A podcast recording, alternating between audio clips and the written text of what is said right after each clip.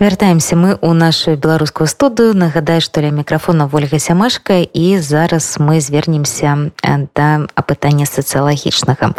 Што мяркуюць беларусы пра вайну а украінцы пра беларусаў? Адпаведнае пытанне прадставіў напярэдадні кіраўнік беларускай аналітычнай майстэрні Андрей вардамацкі. Ці зменшылася колькасць беларусаў якія падтрымліваюць дзеянні рассіі ці наадварот колькасць прыхільнікаў спецаперацыі узрасла і ці на пятым месяцы вайны нашы суайчыннікі маральна гатовы што краіна далушыцца да ваенных дзеянняў адказа на гэтае пытанне у андруся гаёвага Вайна, якая ідзе ўжо пяты месяц вылучыла на першыя планы тэматыку міжнацыянальных стасункаў беларусаў ды украінцаў і ўзаемных меркаванняў адно пра аднаго і пра тое, што адбываецца вакол. Натуральна, што фармаванне меркаванняў і беларусаў і украінцаў задзейнічаны моцны чыннік уплыву рассіі ды яе прапаганды. Менавіта таму частка пытанняў, якія ставіліся перад рэспандэнтамі, так ці інакш тычылася рассіі і створаных пад яе кантролем саюзных фармаванняў. Аналагічнае даследаванне з падобнымі ж пытаннямі беларуская аналітычная майстэрня ўжо ладзіла ў сакавіку. Гэтае жа пытанне было праведзена ў траўні. Паводле некаторых індыкатараў сацыёлагі адзначылі пэўныя зрухі, але ў цэлым істотнага адбітку на змяненне грамадскай думкі ў Беларусі, што тычыцца стаўлення да рассіі і яе дзеянняў, вайна не пакінула. Гэта, дарэчы, выклікала здзіўленне ў аўдыторыі, якая знаёмілася з вынікамі даследавання. Гэта на думку Андрэя вардамацкага звязана з інерцыяй і сфармаванай за некалькі стагоддзяў пра расійскай прапаганды гістарычнай памяццю. Такім чынам, што ж пыталі сацыёлагі ў беларусаў. Дарэчы, зазначу адразу, што пытанне праводзілася праз тэлефон і задзейнічаныя ў ім былі толькі тыя беларусы, якія зараз фізічна знаходзяцца на тэрыторыі Беларусі на пытанне ці не можа на выклікі ўплываць такі метад бо многія просто маглі б баяцца адказваць свае рэальныя думкі праз телефон Андрей вардамацкі адказаў што іншага метада які б дазваляў захаваць патрэбную рэпрэзентатыўнасць выбаркі і дакладнасць атрыманай звестак зараз не існуе Такім чынам стаўленне да імавернасці прыцягнення беларускага войска да ўдзелу ў вайне на баку Росіі у беларусаў рэзка негатыўная. Как вы относитесь к возможному вводу белорусских войск на территорию Украины для участия в военных действий? Говорилось уже об этом на предшествующем нашем информационном событии. И э, говорилось, называлась вот эта цифра 85% белорусов в возрасте 18 плюс которые отрицательно к этому относятся, да, и примерно 11, которые положительно. Вот э, произошло некоторое понижение оценки положительно, да, с 11,1 до 8,2, и 2, э, то есть как бы э, это такое незначительно, фор, незначительное а формально понижение, но на самом деле, как бы со статистической точки зрения, с учетом интервала доверительного, который равен 3,2 для данного объема выборки. А, в общем, это фактически тождественные цифры. Но поскольку э, таких вот феноменов незначительного изменения, незначительного понижения накопилось несколько, и я их дальше покажу, то, может быть, можно предполагать о, о, том, что это такой уже явление почти системное А вось тое что цяперашнія ўлады беларусі дазволілі размясціць на тэрыторыі нашай краіны расійскія войскі для нападу з беларусі на украіну выклікала падзел думак как вы относитесь к тому что действующая власть позволила разместить российские войска в беларуси ну и вот мы видим что отрицательно э, практически одна и та же величина вот 47 процентов положительная оценка уменьшилась ну примерно на 4 процента это опять на грани так сказать э, ошибки выбор увогуле сацыёлагі атрымалі дастаткова цікавыя лічбы ухвалення насельніцтвам беларусі дзеяння в россии дзеяння украины в войне одобряете ли вы действия россии в текущем вооруженном конфликте с украиной и вот здесь вот э, как бы позитивная оценка э, наблюдается у одной трети жителей э, Республики Беларусь в возрасте 18 плюс. И следующий вопрос: одобряете ли вы действия Украины? И здесь та же цифра. Вот такой класс... снова классический э, сплит, одинаковые суммы э, положительной оценки мы, так сказать, наблюдаем.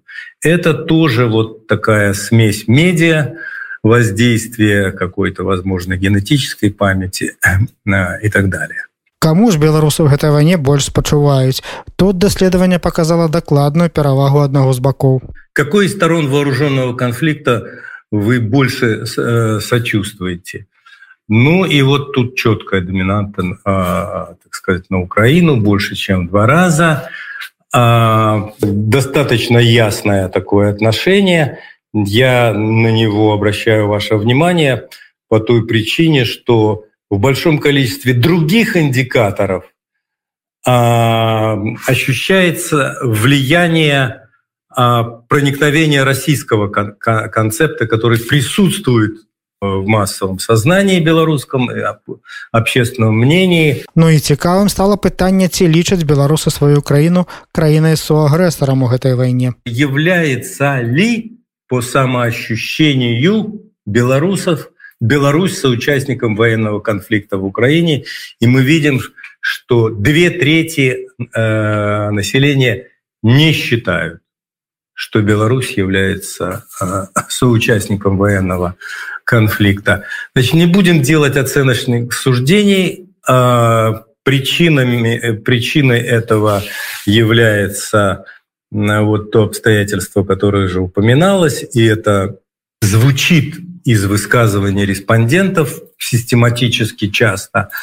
А, нет э, ощущения войны, да, во-первых, а во-вторых, люди говорят, какое участие, какие мы агрессоры. Если мы, если мы сами против этой войны. Натуральна важным выявілася стаўленне беларусаў да імавернай пагрозы расійска-украінскай войны суверэнітэту і незалежнасці самой Беларусі. Считаете ли вы, что текущий вооруженный конфликт между Россией и Украиной представляет угрозу суверенитету и независимости э, Беларуси?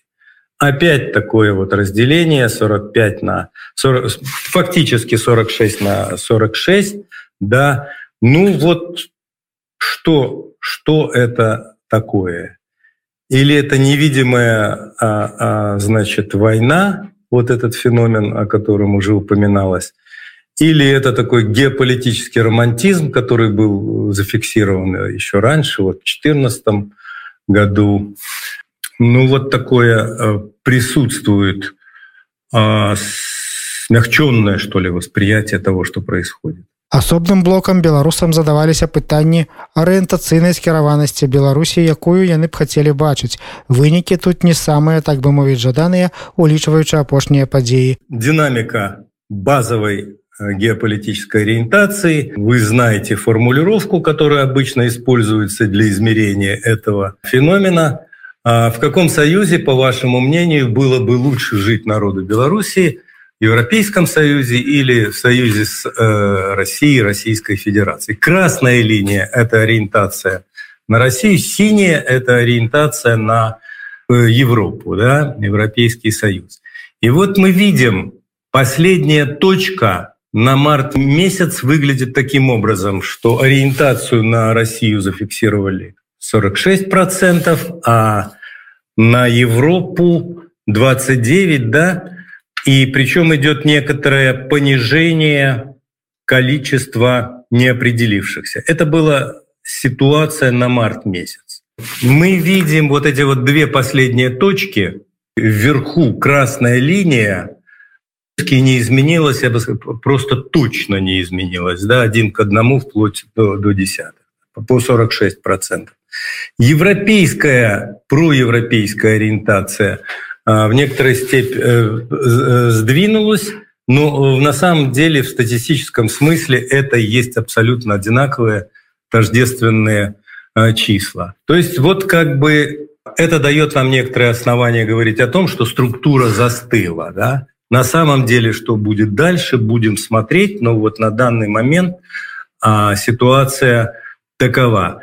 То есть обе позиции застыли, кристаллизовались, как пророссийская, так и проевропейская, и остаются на том же самом уровне. Гэта што тычыцца агульнай арыентацыі на захадзе ўсё ж на ўсход, А вось датычна саюза вайскова-палітычнага, то тут пакуль цешыцца няма чым. В каком военно-политическом союзе должна состоять Беларусь?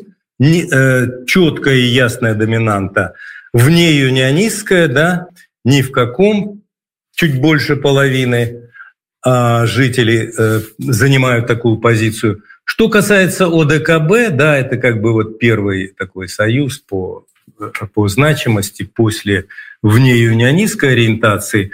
А по ОДКБ некоторое понижение произошло. Опять же, оно незначительное в рамках, вот, так сказать, а, внутри доверительного интервала колебаний.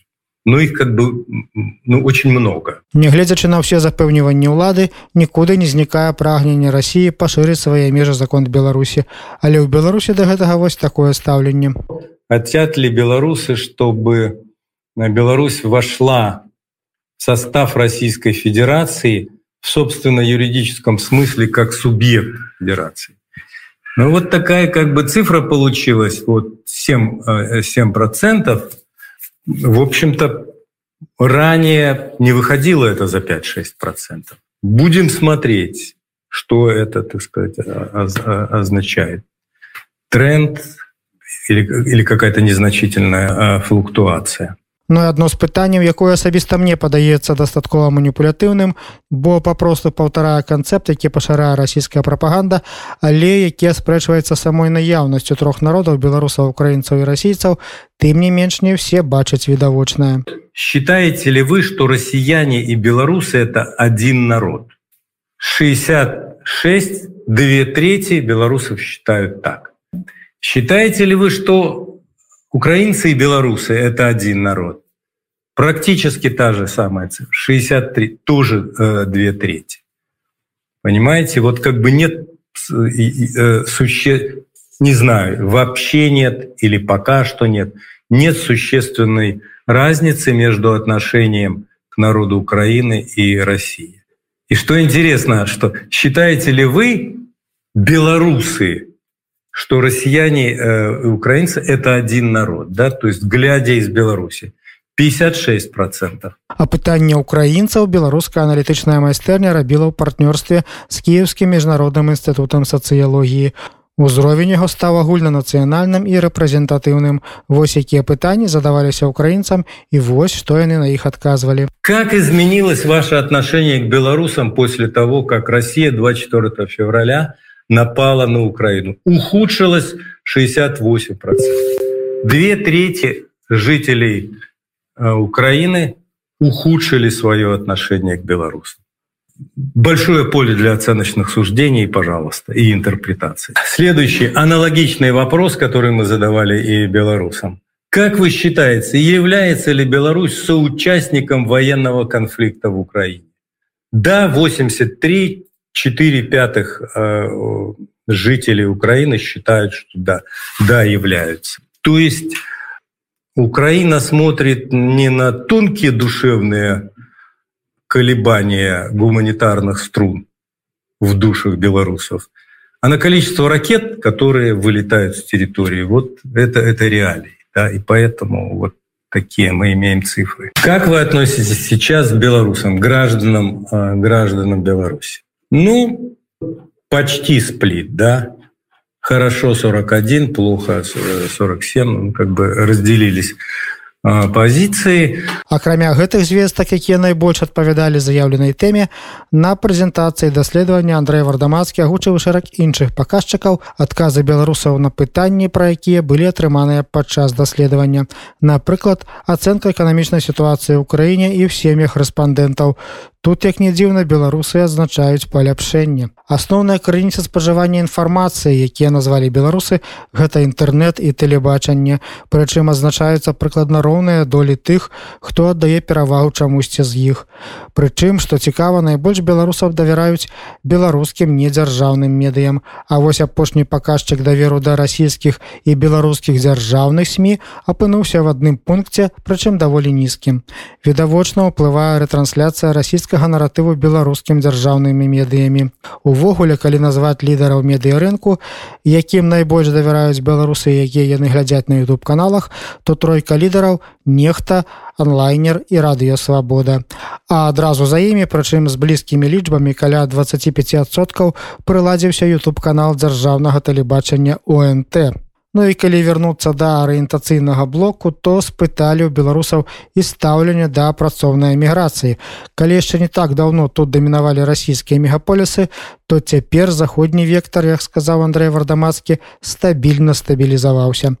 У якасці краінаў для зарабляння грошай ўсё больш людзей разглядаюць Польшчу, літву і краіны заходняй Еўропы. Што ж будзем спадзявацца, што калі гэтыя людзі, як пяецца ў песні пабываюць у розных краях, іхняе стаўленне да незалежнасці Беларусі і ўсведамлення лучнасці лёсаў з Украінай абвострацца і праеўрапейскія прадэмакратычныя погляды ў арыентацыйных падыходах пачнуць пераважаць больш істотна. Світанак свабоды. Świt wolności.